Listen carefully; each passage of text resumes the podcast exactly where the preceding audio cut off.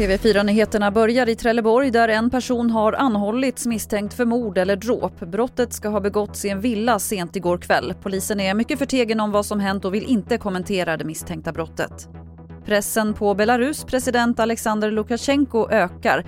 Landet släpper nu de över 6 000 demonstranter som gripits i protesterna efter presidentvalet i söndags. Protesterna började efter att president Lukasjenko utropat sig till vinnare med 80 procent av rösterna i presidentvalet i söndags. Ett val som stora delar av omvärlden ser som odemokratiskt. EU kommer idag hålla ett möte om eventuella sanktioner mot Belarus och de baltiska staterna tillsammans med Polen har erbjudit sig att medla mellan regimen och civilsamhället. Reporter här var Magnus Wennerholm och mer om det här finns på tv4play.se.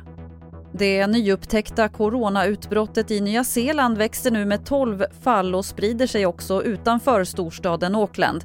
Efter att landet klarat sig i över 100 dagar utan nya fall så upptäcktes det här utbrottet i tisdags då fyra personer i samma familj konstaterades vara smittade och sedan dess har runt 30 smittats.